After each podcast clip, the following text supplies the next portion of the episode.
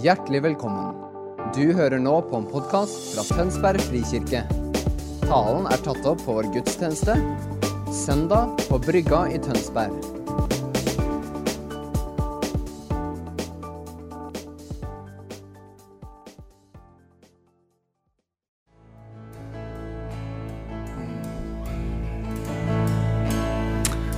Ja, takk, Jesus, for at alt i fellesskap med deg er nåde. Du kroner oss med herlighet og ære, og så gjør du vår lovsang og tilbedelse verdig. Og så sier du at du blir velsigna av den når vi gir deg vår tilbedelse tilbake. Og så er alt av nåde. Det begynner med deg, og det slutter med deg. Takk, Herre. Amen. Tusen takk dere for at dere leder oss inn i tilbedelsen på den måten dere gjør. Tusen takk. Gi dem en klapp.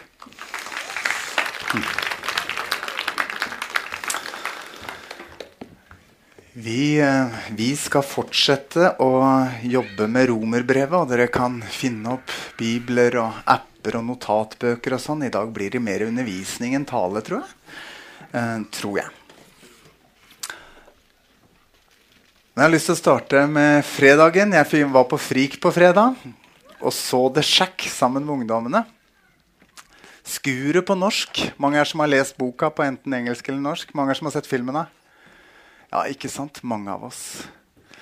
En sterk film, dere, som Det er ikke akkurat en lærebok i dogmatikk, for å si det sånn. Når Pappa Gud kommer i den afroamerikanske dameutgaven, så er det sånn at uh, noen av enhver av oss liksom får litt sånn utfordring med å få begrepene til å henge sammen. Men det som i alle fall skjer med både boka og filmen, det er at Guds kjærlighet og Guds nåde blir så blankpolert. hva? I den der sekvensen hvor uh, Mac får muligheten til å sette seg i stolen til visdommen og være dommer for et øyeblikk. Hvem vil du jeg skal ta ut? Og plutselig, bam, går det opp for Mac at hvem er jeg til å kaste mine vurderinger og dommer imot Gud og Guds veier og mennesker og menneskers veier? Og så, og så blir det Guds kjærlighet som står igjen. Da. Veldig blått. Så jeg må si hvis jeg skal løfte opp et par bøker som kan være gode å lese denne våren parallelt med at vi jobber oss igjennom romerbrevet, så må det være nettopp The Shack. Og eh, Philip Yancy sin bok. Den begynner å bli ti år gammel, tenker jeg. 'Nådens gåte'. Kjenner dere den? Google den. Philip Yancy, YANC. Han er redaktør for et, et av de største kristne magasinene i USA. Han skrev 'Nådens gåte'. Han også klarer å fange inn nådens radikale og konstante vesen. Og dette dere trenger vi på nytt og på nytt å ta imot. vi. For vi er oss, og Gud er Gud, og sånn er det. Men han lar det dryppe over ved sin ånd inn til oss, jevnt og trutt, for å forme oss i tråd med det han har gjort klart for oss, og det han har satt foran oss. Og Det er vel på mange måter det dette livet handler om sammen med Jesus. Og Det er det vi skal kikke litt på i dag også. Hver gang, hver gang vi kaster et blikk på vårt eget liv for å sjekke ut åssen vi har det med Gud, så har vi trodd en løgn. Og det gjør vi stadig vekk. Etter en deilig lovsangsøkt hvor vi virkelig har vært i nærværet, så tenker vi jeg og Gud, altså. Vi har det bra. Men etter krangelen med barna eller kritikken på jobben eller et eller annet sånn, så er det akkurat som om livet med Gud også får en annen valør. Er dere med meg? Dette er den helt menneskelige måten å nærme seg livet og virkeligheten på. Men Gud har en bedre vei, og det skal vi pirke borti i dag. Hver gang vi sjekker våre merittlister for å finne ut hvordan vi har det med Gud, så er det egentlig våre egne prestasjoner og våre egne handlinger vi lener oss inn på. Og da gjelder den gamle salmen 'Ren og rettferdig himmelen verdig', for der står det 'Midt i min strid, min bedring og flid, fantes det bare avmakt og død'. Det er ikke noe lystig vers, akkurat det, da. Men det er jommen sant. Hvor mange av oss har ikke prøvd å komme løs av et syndemønster med egen vilje, bedring og flid? Og erfart igjen og igjen at det går ikke. Fordi at det vi holder på med denne våren når vi går gjennom romerbrevet, dere, det er å få tak i at evangeliet er Guds kraft til frelse. Det er ikke Guds oppskrift. Det er Guds kraft. Det er Hans ånd som setter fri. Det er Hans kraft som lander i våre liv og bryter lenker, bånd og bindinger. Vi kan høre om evangeliet i sju lange og sju breie uten at det får konsekvenser i nytt og forvandla liv. Hvis vi forholder oss til det som en oppskrift og fortsetter med bedring og flid. Men hvis vi vender om til Han og sier 'Gud, jeg kan ikke, men du kan', vil du ved din ånd ta i vei med meg sånn som bare du kan? Da begynner vi på en helt annen vandring. Og det er det både Romerbrevet 6, som vi skal bore i dag, handler om. Og egentlig hele kristenlivet sitt vesen handler om. Evangeliet som Guds kraft til frelse. Skal vi be en bønn sammen før vi leser litt i ordet igjen? Hmm. Pappa Gud, takk for din uendelige nåde, godhet og kjærlighet. Jesus, takk for livet du ga. Og takk for livet som du lar strømme imot oss hver eneste dag. Som forvandler og forgyller våre liv fra innsida ut. Takk, Hellige Ånd, for at du er vår hjelper og vår veileder og vår trøster og vår formaner. Hellige treenige Gud. Kom over oss med åpenbaring nå denne formiddagen, så vi ser mer av deg. Hvem du er, hva din nåde er, hva du har gjort for oss. Og hva du har kalt oss til, og hva du har satt foran oss. Herre, virk det du vil gjennom ditt ord og i våre hjerter denne formiddagen. Amen. Jeg tror vi må hente opp ordet litt. Bli med meg til Romerne 6, og så leser vi iallfall de første elleve versene. Før vi går litt videre. Hva skal vi da si? Skal vi fortsette å synde så nåden kan bli enda større? Slett ikke. Hvordan kan vi som døde bort fra synden, fremdeles leve i den? Eller vet dere ikke at alle vi som ble døpt til Kristus Jesus, ble døpt til hans død? Vi ble begravet med han da vi ble døpt med den, denne dåpen til døden. Og som Kristus ble reist opp fra de døde ved sin fars herlighet, skal også vi vandre i et nytt liv. Få med dere den setningen. Som Kristus ble reist opp fra de døde ved sin fars herlighet. Og det var altså Guds herlighet og kraft som reiste Kristus opp fra de døde. Og ved den kraften skal også vi vandre i et nytt liv her og nå. Det ligger ikke helt åpenbart i teksten, men det er det som er innholdet. Jesus sto opp igjen fra de døde. Det har ikke vi gjort. Men dette handler ikke om livet når han kommer igjen. Dette handler om livet nå. Liksom Kristus ble løfta opp fra de døde ved Faderens herlighet, ved hans kraft, skal vi leve livet vårt ved Hans herlighet, ved Hans kraft og ved Hans nåde. Og vandre i det nye livet.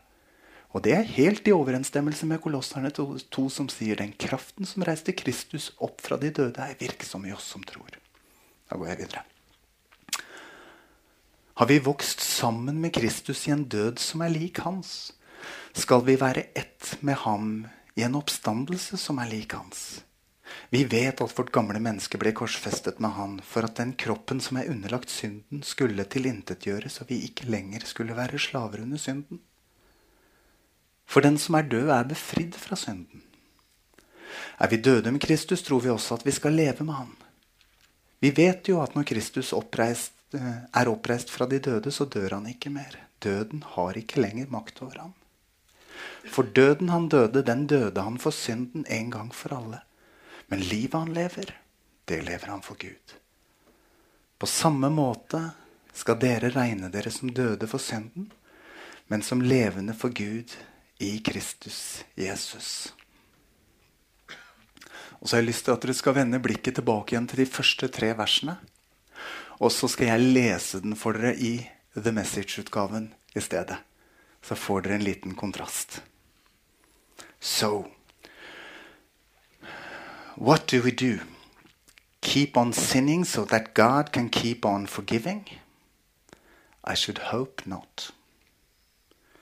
If we've left the country where sin is sovereign, how can we still in our old, live in our old houses there? Or didn't you realize that we packed up and left there for good?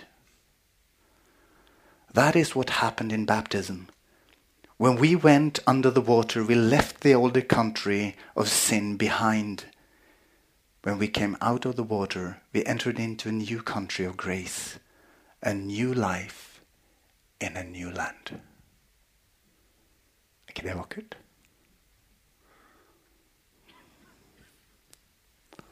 Det gamle er borte, se noe nytt er blitt til.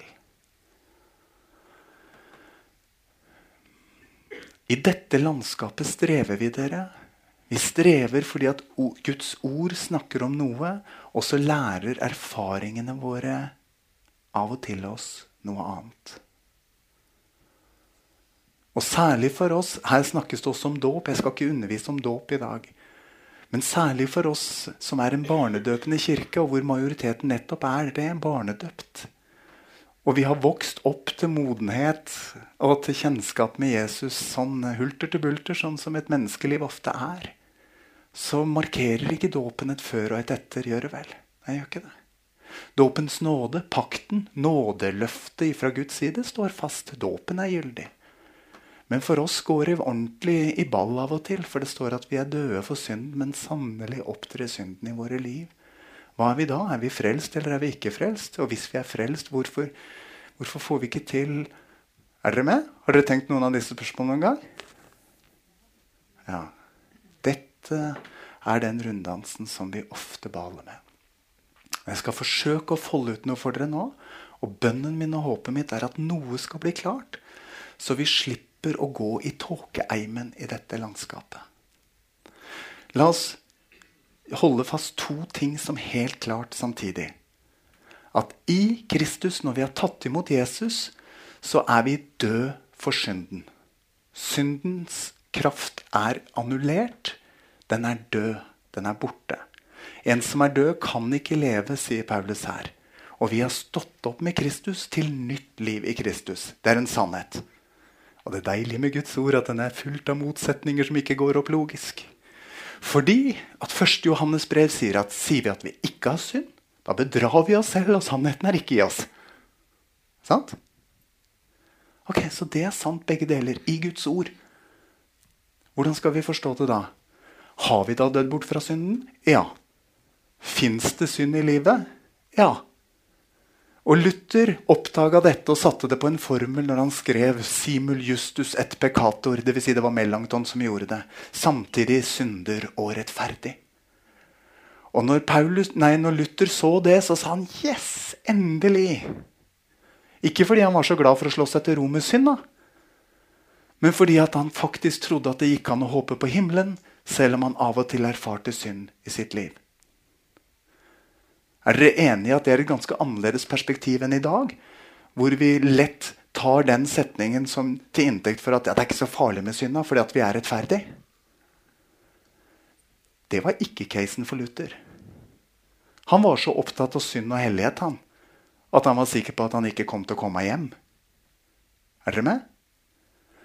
Så samtidig synder og rettferdig ble ikke en identitetssetning for Luther. Få med dere dette. Samtidig synder og rettferdig er ikke vår kristne identitet. Det er en løgn hvis vi leser det som identitet. Det er en deskriptiv, en beskrivende tilnærming.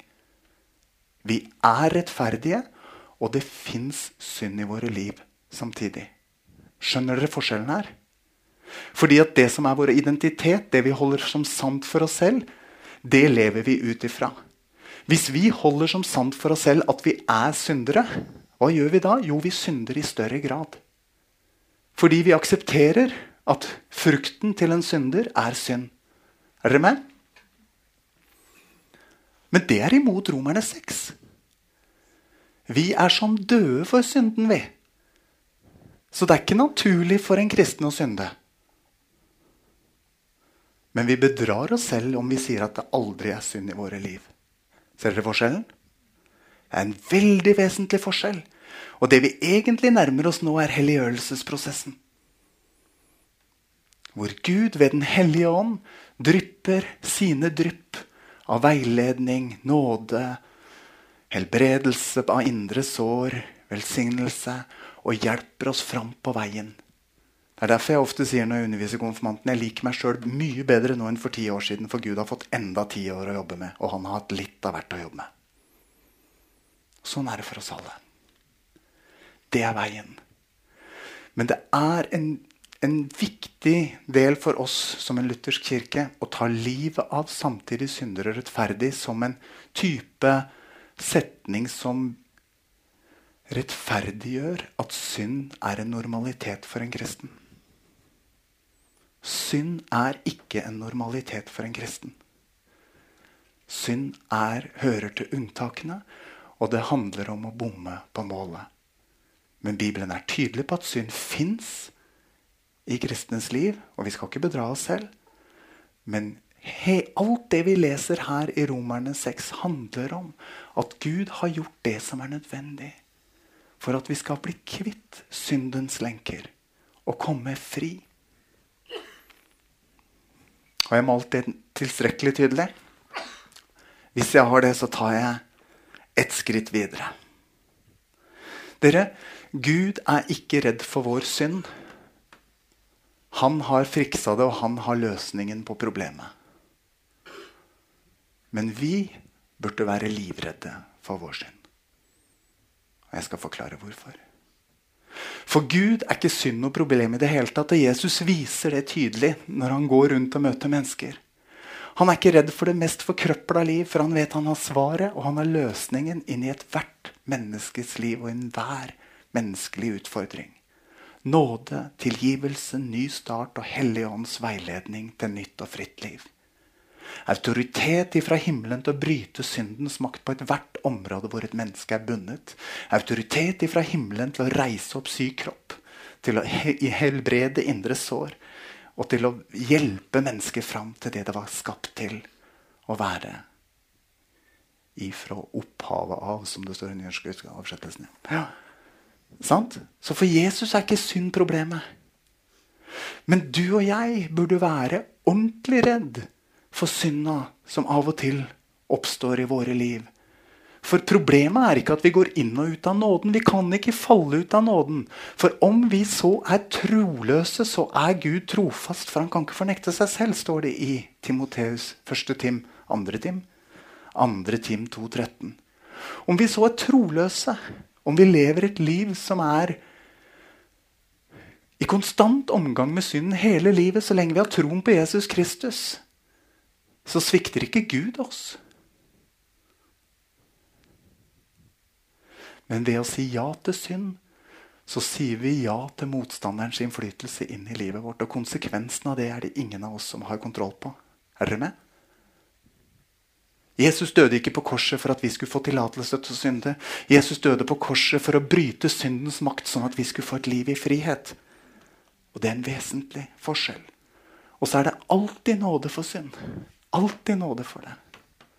Men dere, nåden og tilgivelsen, den sletter ut skylda og gjelda. Men den tar ikke bort konsekvensene. Det gjelder i relasjon til himmelen. Og det gjelder i relasjon til folka vi har rundt oss. Hvis vi tråkker over og sårer og gjør vondt i relasjonene rundt oss, så kan vi få tilgivelse. Men såret gror ikke i det øyeblikket du har fått tilgivelse. Da er du off the hook. Men det du gjorde, som såra og krenka den andre, må fremdeles ha en prosess av legedom. Og det samme motsatte veien. Det noen har gjort mot deg, som har krenka og såra deg, det kan du tilgi for at ikke ditt hjerte skal bli bittert. Men du må fremdeles gå prosessen sammen med Gud for å bli hel. Og for å kunne reise deg igjen. Og noen er så krenka, og det hører med til unntakene. Jeg liker ikke å preke med utgangspunkt i unntakene. Men noen er så krenka at det tar et helt liv og ved Guds hjelp få lov til å reise seg igjen. Og det har jeg respekt for. Er dere med? Og Derfor er hele Guds ord et vitnesbyrd om Guds kamp imot det destruktive, imot mørket, imot synda. Og la oss en gang for alle dere bare nagle fast at Gud ønsker helt og oppreist og hellig liv. Og han ønsker å komme til i livet ditt og mitt for å bryte syndens makt og sette oss fri fra de plassene hvor vi har en tendens til å gå på limpinnen, tråkke feil, gjøre det igjen. Uansett hva som er ditt område, om det er mest i tankelivet, eller om det er med tunga, eller om det er med handlingen, eller om det er med det du ikke gjør, men som du svikter andre ved å unnlate å gjøre, eller hva. Skjønner du hva jeg mener? Vi vet alle. Sier vi at vi er uten synd, så bedrar vi oss selv.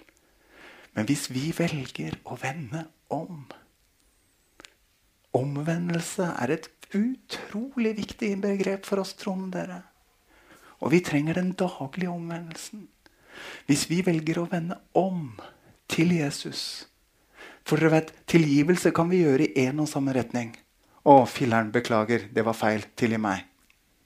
Å, nå gjorde jeg det igjen. Tilgi meg. Og enda en gang. Tilgi meg en gang til. Jeg kunne fortsette av scenen. Men hvis jeg vender om og ber om tilgivelse Tilgi meg. Jesus gir meg kraft til å gjøre det annerledes. Så skifter livet retning. Er dere med? Og der har vi vår viljesbeslutning, dere.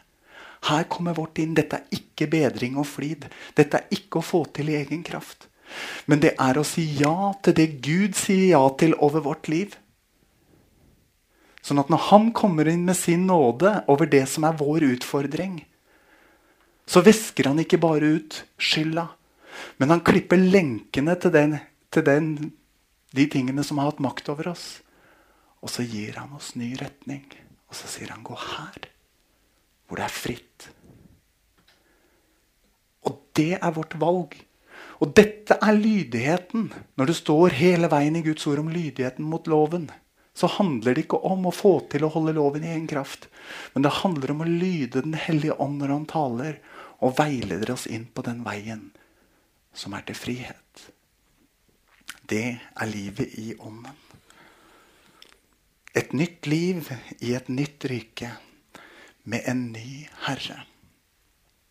Jesus Kristus. Om to uker så er vi i Romerne 8, og der står dette verset som vi er så glad i.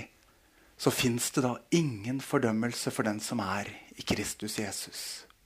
Og hele resten av verset, eh, kapittelet, fram til vi får det andre løftesverset, Gud som vender alt til det gode for den som elsker Herren, og at ingenting kan skille oss fra Guds kjærlighet i Kristus Jesus. Romerne 8 har både innledning og avslutning som vi elsker å kvote, men veldig få kvoter det som er i midten, og det er flest vers. Og det folder ut livet i Den hellige ånd. Og lydigheten mot Den hellige ånd. For hvis vi bruker vår vilje til å fortsette å gå gærne veien, så skal jeg si deg at om ikke vi får til å vekke opp de døde, så får vi iallfall liv i gamle Adam. Jeg får til, og du får til. For sier du at du er uten synd, så bedrar du deg selv, og sannheten er ikke i deg. Men hvis vi følger sannheten med stor S ved Den hellige ånd til en riktig vei, så kan vi gå i frihet. Og det er det Romerne 6 handler om. Livet i ånden. Og da er, kommer også det andre skriftavsnittet som vi har vært mye borti den siste tida, Filipperne 2,13. For det er Gud som virker i oss. Både å ville og å gjøre etter hans gode vilje. I det er det ikke strev. I det er det frihet. Men det krever vår viljestilslutning. Det er lydighetsaspektet. Galaterne 5 sier, 'Lev et liv i ånden'. Da følger dere ikke begjæret i menneskets kjøtt og blod. Parentes, Galaterbrevet er et flott sidebrev å lese mens vi går gjennom romerbrevet. For det maler ut noe av de samme tematikkene. Og Det blir veldig tydelig hva som er et liv i Den hellige ånd, og hva som er et liv etter kroppen eller etter kjødet eller etter sjela og etter, etter det menneskelige, da, om du vil. Og her, rett før Galaterne 5.22, med åndens frukt, som vi elsker å, å, å, å vise til, så står det jo hva som er konsekvensene av når mennesket lever ut ifra sitt eget egoistiske seg. Hor, umoral, utskeielse, avgudsdyrkelse, trolldom, fiendskap, sjalusi, sinne, selvhevdelse, stridigheter, splittelse, misunnelse, fyll, fest og mer av samme slag. Jeg har sagt det før, og jeg sier det igjen. De som driver med slikt, skal ikke arve Guds rike, sier Paulus til galaterne.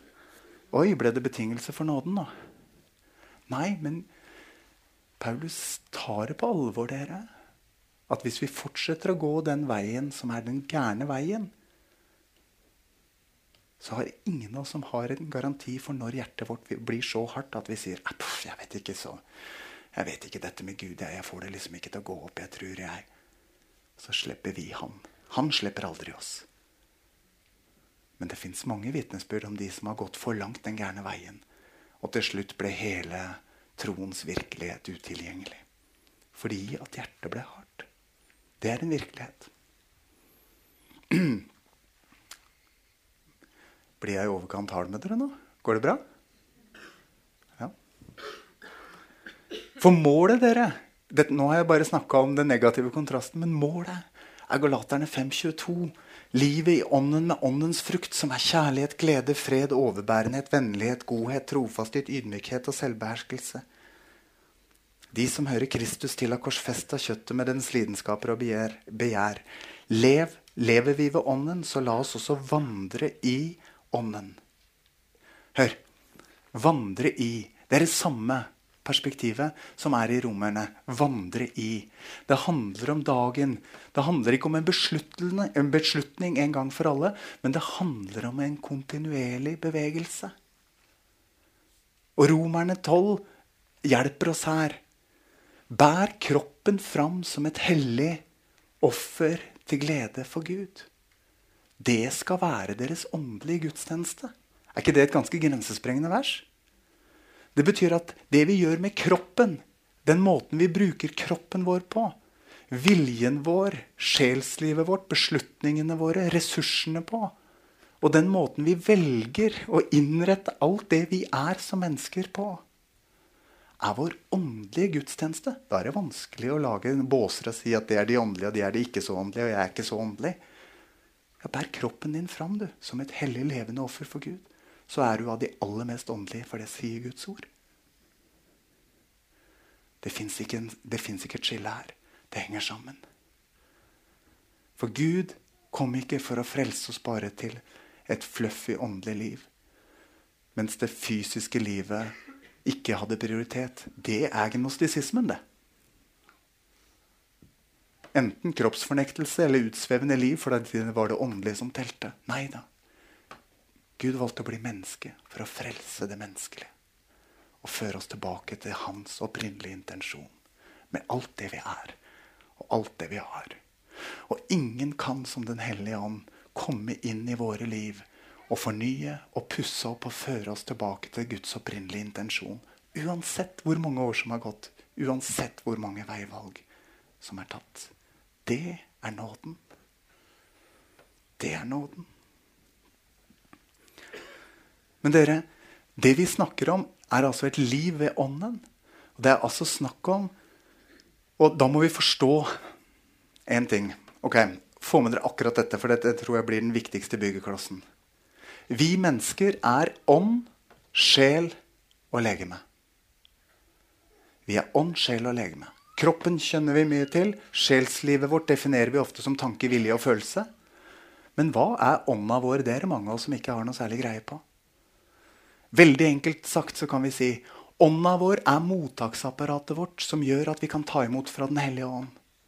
Og hvis vi lever på en sunn måte som kristne, så lar vi Den hellige ånd fòre og fornye den, vår ånd, sånn at vår ånd preger og fornyer og veileder både sjela vår og kroppen vår til det som er godt og riktig. Veldig mange, også kristne, lever med sjelen som, som sjefen og førerplassen.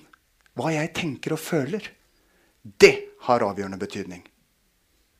Bare hør på noen av disse innvendingene her.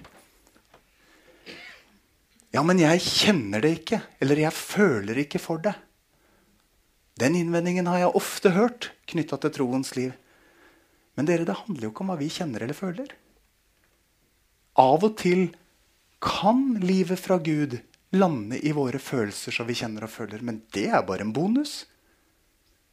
Enten du kjenner eller føler eller ikke, så lander Gud med sin ånd i din ånd. Og noen får det som utslag i kroppen, noen får det som utslag i tanken. Noen får det som utslag i følelsen, noen får ikke utslag noe sted, men de kjenner allikevel at de har fått med seg noe fra Gud. Fordi det vi snakker om, er et liv i Den hellige ånd. En annen motforestilling Jeg har prøvd så godt jeg kan, men jeg får ikke dette til. Ja, det er viljen, det. Det er også sjelen, dere. Vilje, tanke, følelse. Jeg vil virkelig tro, men jeg forstår det ikke. Noen som har hørt den noen gang? Ja, men det er jo tanken din. Fortsatt sjelslivet ditt. Og hvis du og jeg tenker at vi skal gripe Gud med vårt sjelsliv, så bommer vi, for det klarer vi ikke. Vårt sjelsliv er en del av vårt menneskelige jeg. Sjelen er viktig. Min sjel, lov Herren. Ja, alt som i meg er, skal prise Hans navn. Sjelen er ikke uviktig. Men det er ikke sjelen som skjønner Gud. Sjelen kan respondere på Gud. Det er bare vår ånd som kan ta imot fra Gud ved Den hellige ånd. Og derfor, så uansett åssen vi er satt sammen, uansett hva vi liker, uansett hva vi tenker, og uansett hva vi føler, og uansett hvordan kroppen vår er frisk eller syk eller noe midt imellom, så står vi på helt lik linje i å søke inn til Gud. I bønn, i ordet, i tilbedelsen. Og si, 'Gud, jeg søker ditt ansikt', eller 'Jeg løfter mitt indre opp til deg', sånn at du kan lande ved din ånd i min ånd. Og skape og folde ut det du vil i mitt liv. Sånn at jeg faktisk kan koble meg på det du vil og du holder på med istedenfor å prøve å få til å prestere for deg. For det siste gjør oss bare slitne. Og hvis vi prøver, dere, å komme fri fra noe som har bundet oss, gjennom tanke eller vilje eller følelse, så skal jeg si dere at det er mange som har slitt seg ut på å gå sirkeldans og stadig komme tilbake til det samme. For det er ikke i tanken og viljen og følelsen at kraften sitter. Kraften i Kristi kors kommer til oss som en gave fra Den hellige ånd, som lander i vår ånd, og som bryter bindinger i både vårt sjelsliv, tanke, vilje, følelse, og i vårt fysiske liv. Og Det er fantastisk å være på Evangeliesenteret og høre noen av kara vitne om hvordan Gud kommer ved sin ånd, og bam! Så var rusavhengigheten borte. Det er fysisk, det. Og det var ikke snakk om vil jeg eller vil jeg ikke dette. Alt var nytt. Men dere, det er kraft. Det er kraft. Så parker din tanke og vilje og følelse og underordne den, eller om du vil, overgi den til Jesus. Og syng sånn som vi sang, og be sånn som vi sang. Alt for dine føtter legger jeg, Jesus. Alt jeg er og har. Og så må du komme med hele himmelens ressursbank. Og forme mitt liv til det gode som du har tenkt for meg. Jeg skal begynne å lande. Det beste med denne veien dere, er at dette er en vei i hvile. Når Leif Hetland forkynte under åpen himmel, så ga han oss fire veldig viktige punkt. Han sa Rest, receive, become, release. Jeg skal ta det en gang til for dere som noterer. Rest, receive, become, release. Hvil, motta, bli og gi. Det er det Gud kaller oss til.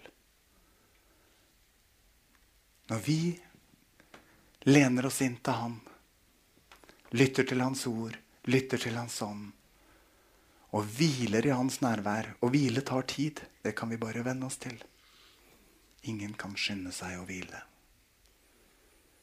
Når vi hviler innenfor Han, så får vi begynne å motta. Og jeg har vært der mange ganger. I det øyeblikket jeg mottar, så springer jeg ut og forteller om hva jeg har hørt hos Jesus. Men jeg har jo ikke tatt meg tid til å la det lande i mitt liv. Inntil det han ga meg som en informasjon, har blitt til en realitet som er forma mitt liv. At jeg har blitt det han har sagt. Og når det har skjedd, dere, da kan vi gi det videre som vi har blitt. Til alle og enhver. Fordi vi eier det. Vi har blitt det. Og det vi er, og det vi har, kan vi fritt gi. Det vi ikke er og ikke har, kan vi ikke gi til noen. Og hvis vi da forteller andre om det, vet du hva vi gjør da? Da gir vi det i en oppgave og en lekse. Og så sier vi 'Jeg fikk det ikke til, men det hørtes bra ut. Prøv, du'. Hva skaper vi i Kristi kropp da? Masse dårlig samvittighet og åndelig tilkortkommenhet. Fordi vi snakker om alt det gode i Gud som vi ikke har fått til sjøl og ikke har fått ta imot sjøl, og derfor ikke kan gi videre. Nei, forhold deg heller til det du har fått ta imot og blitt. For det kan du gi og se gleden i ansiktet på de andre når du gir det. Og de umiddelbart blir velsigna og får ikke en hjemmelekse, men en gave. Som kan lande i de og bli til noe de kan gi videre. Kjenner dere hvilen? Ok. Lovsangstimen, dere kan komme opp. Jeg har lyst til at dere skal ha i mente For jeg tror at det jeg har undervist nå, representerer noe som kan være et taktskifte og en kursendring for mange. Å vende om, metanoeo på gresk, betyr å skifte sinn. Å fornye tanken i tråd med det som er sant i Guds ord og ved Hans ånd. Og når vi gjør det, vender oss om til Gud og lar Han prege og fylle vår ånd, så får det gode konsekvenser for sjelsliv og fysisk liv. Vende om er noe helt annet enn tilgivelse. Det er faktisk å gi Gud herredømme, råderett over livet vårt og si, 'Gud, din vei, din vilje, med alt mitt.' Og så er det opp til han. Det er en enorm frihet, dere. Fra å gå fra å være slaver som jobber og presterer og sjekker ut er jeg bra nok for Gud nå. Mens Gud hele tiden har sagt jeg kaller dere ikke slaver, jeg kaller dere venn, tjenere, jeg kaller dere venner. Dere er ikke arbeidere for meg, dere er sønner og døtre. Dere har fått barnekårets sånn som sier 'pappa'. Ikke jobb for meg. Kom nær meg. Og la meg skape i deg det jeg vil. Sånn at resten er gode konsekvenser i nåde. Og hvis noen av dere kjenner at pga. at dere ikke har riktig grepet dette her, at dere, så har dere gått rundt og rundt og rundt og rundt og rundt i et eller annet syndemønster som har stjålet så mye fra dere. Kanskje dette er dagen dere til å si nok er nok. Appliser Kristi kraft, evangeliet, som er Guds kraft til frelse på livet deres. Og ta imot friheten. Så enten det er retningsendring eller endelig en frihet på et område, eller hva som helst annet Helligånd har ment om, bruk anledningen. La Guds kraft forvandle og fornye. Amen.